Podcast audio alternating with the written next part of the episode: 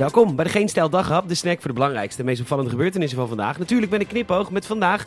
Ouderen hebben moeite met corona check-app. Hubert Bruls to the rescue en Tata Steel gaat toch echt vergroenen. Ooit. Mijn naam is Peter Bouwman en dit is het nieuws van woensdag 15 september.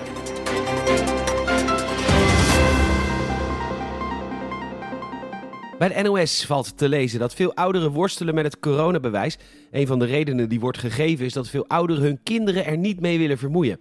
Lieve ouderen, waar jullie kinderen zich pas echt aan ergeren is het feit dat ze constant in de krant moeten lezen dat jullie de kinderen niet willen vermoeien, maar wel een verslaggever van de NOS te woord staan om die persoon die je helemaal niet kent te vertellen dat je je kinderen niet wilt vermoeien en dus maar alleen thuis blijft zitten vol zelfmedelijden en dan jezelf zo opofferingsgezind vinden en daar helemaal alleen zitten in dat bejaardentehuis tot er een verslaggever van de staatsomroep voor de deur staat. En vervolgens sta je daar uren mee te ouwe hoeren, want ja, je kinderen komen nooit langs, want je zal nooit zelf eens bellen of appen of mailen of een briefkaart sturen met hallo, ik heb je gebaard en opgevoed en ik ben mijn hele leven lang bij je vader gebleven voor jou, totdat goddank corona kwam en hij nu al anderhalf jaar onder de zoden ligt. Dus ik wil nu eindelijk weer een keer naar de getver in de kroeg. Ik wil drinken, ik wil roken, ik wil leven. Ik wil nog een keer dampen en neukseks met een wildvreemde. Dus kom godverdomme die geile kut corona check het nou eens installeren.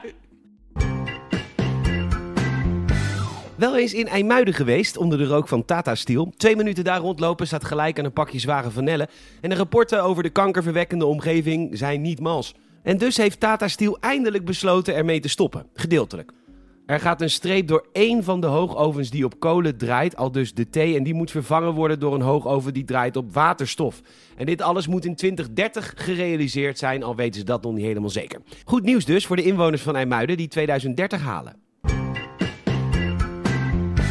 Hubert Bruls, de grote baas van alle burgemeesters, zelf burgervader van Nijmegen en Jabba de Hut-imitator. Held!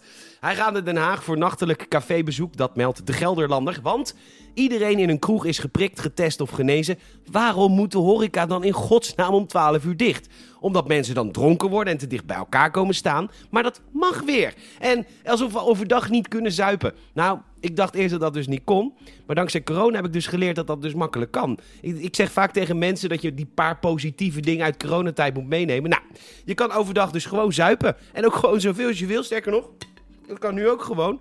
Begin vooravond. Heerlijk.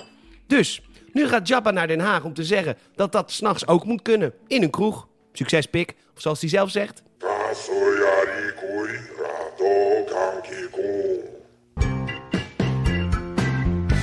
Hmm, Zo. Bekijk QR-code. Oké. Ik heb zojuist de Corona Check app even geïnstalleerd. Ja, even voor de duidelijkheid. Ik ben dus falikant tegen die app.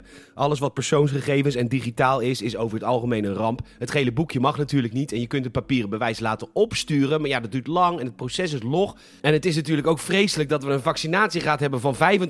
En dat we dan ook nog eens een coronapas gaan invoeren. Terwijl Hugo de Jonge heeft gezworen dat dat nooit zou gebeuren. Het is echt walgelijk. Eén van de landen met de hoogste vaccinatiebereidheid ter wereld. En dan word je als groep, terwijl we allemaal die moeite hebben genomen, alsnog gestraft. Dat is hetzelfde als je op school 8,5 haalt. Dat je de volgende dag niet meer naar school mag, omdat er ook mensen zijn die weigeren voldoende te halen. En ik snap dat het een kutvergelijking is, maar het is een glijdende schaal. Want nu lees ik dat de Gezondheidsraad wil dat we minder gaan roken, extra gaan betalen voor suiker, alcohol moeilijker verkrijgbaar moet worden. En waarom zouden we dat ook niet allemaal bijhouden in diezelfde app? Evenals het aantal deeltjes ultrafijnstof dat uit vliegtuigen komt vallen. Wanneer gaan ze dat allemaal bijhouden? En op basis van hoe gezond we zijn, gaan de premies van de verzekering omhoog. Maar goede wetgeving omtrent voltooid leven is er niet, waardoor duizenden mensen die wel dood willen, hier maar aan het leven moeten blijven hangen en dus ook aan de zorg. En wat te denken van gratis verstrekken van condooms en sterilisaties voor mensen die dat willen. Of het verruimen van de abortuswetgeving. Dat helpt pas echt met het verlagen van de zorgkosten. En dan mogen mensen ook gewoon nog iets leuks doen. Vieze, vuile kut-app.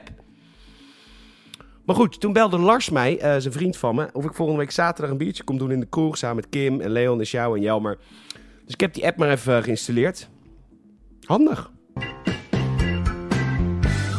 Bedankt voor het luisteren. Je zou ons enorm helpen als je een vriend of vriendin vertelt over deze podcast. Je kunt ons ook volgen via Spotify of vriendvandeshow.nl. En ik zou het ook enorm tof vinden als je een Apple Podcast review achterlaat. Vijf sterren alsjeblieft. Nogmaals bedankt voor het luisteren. Tot morgen.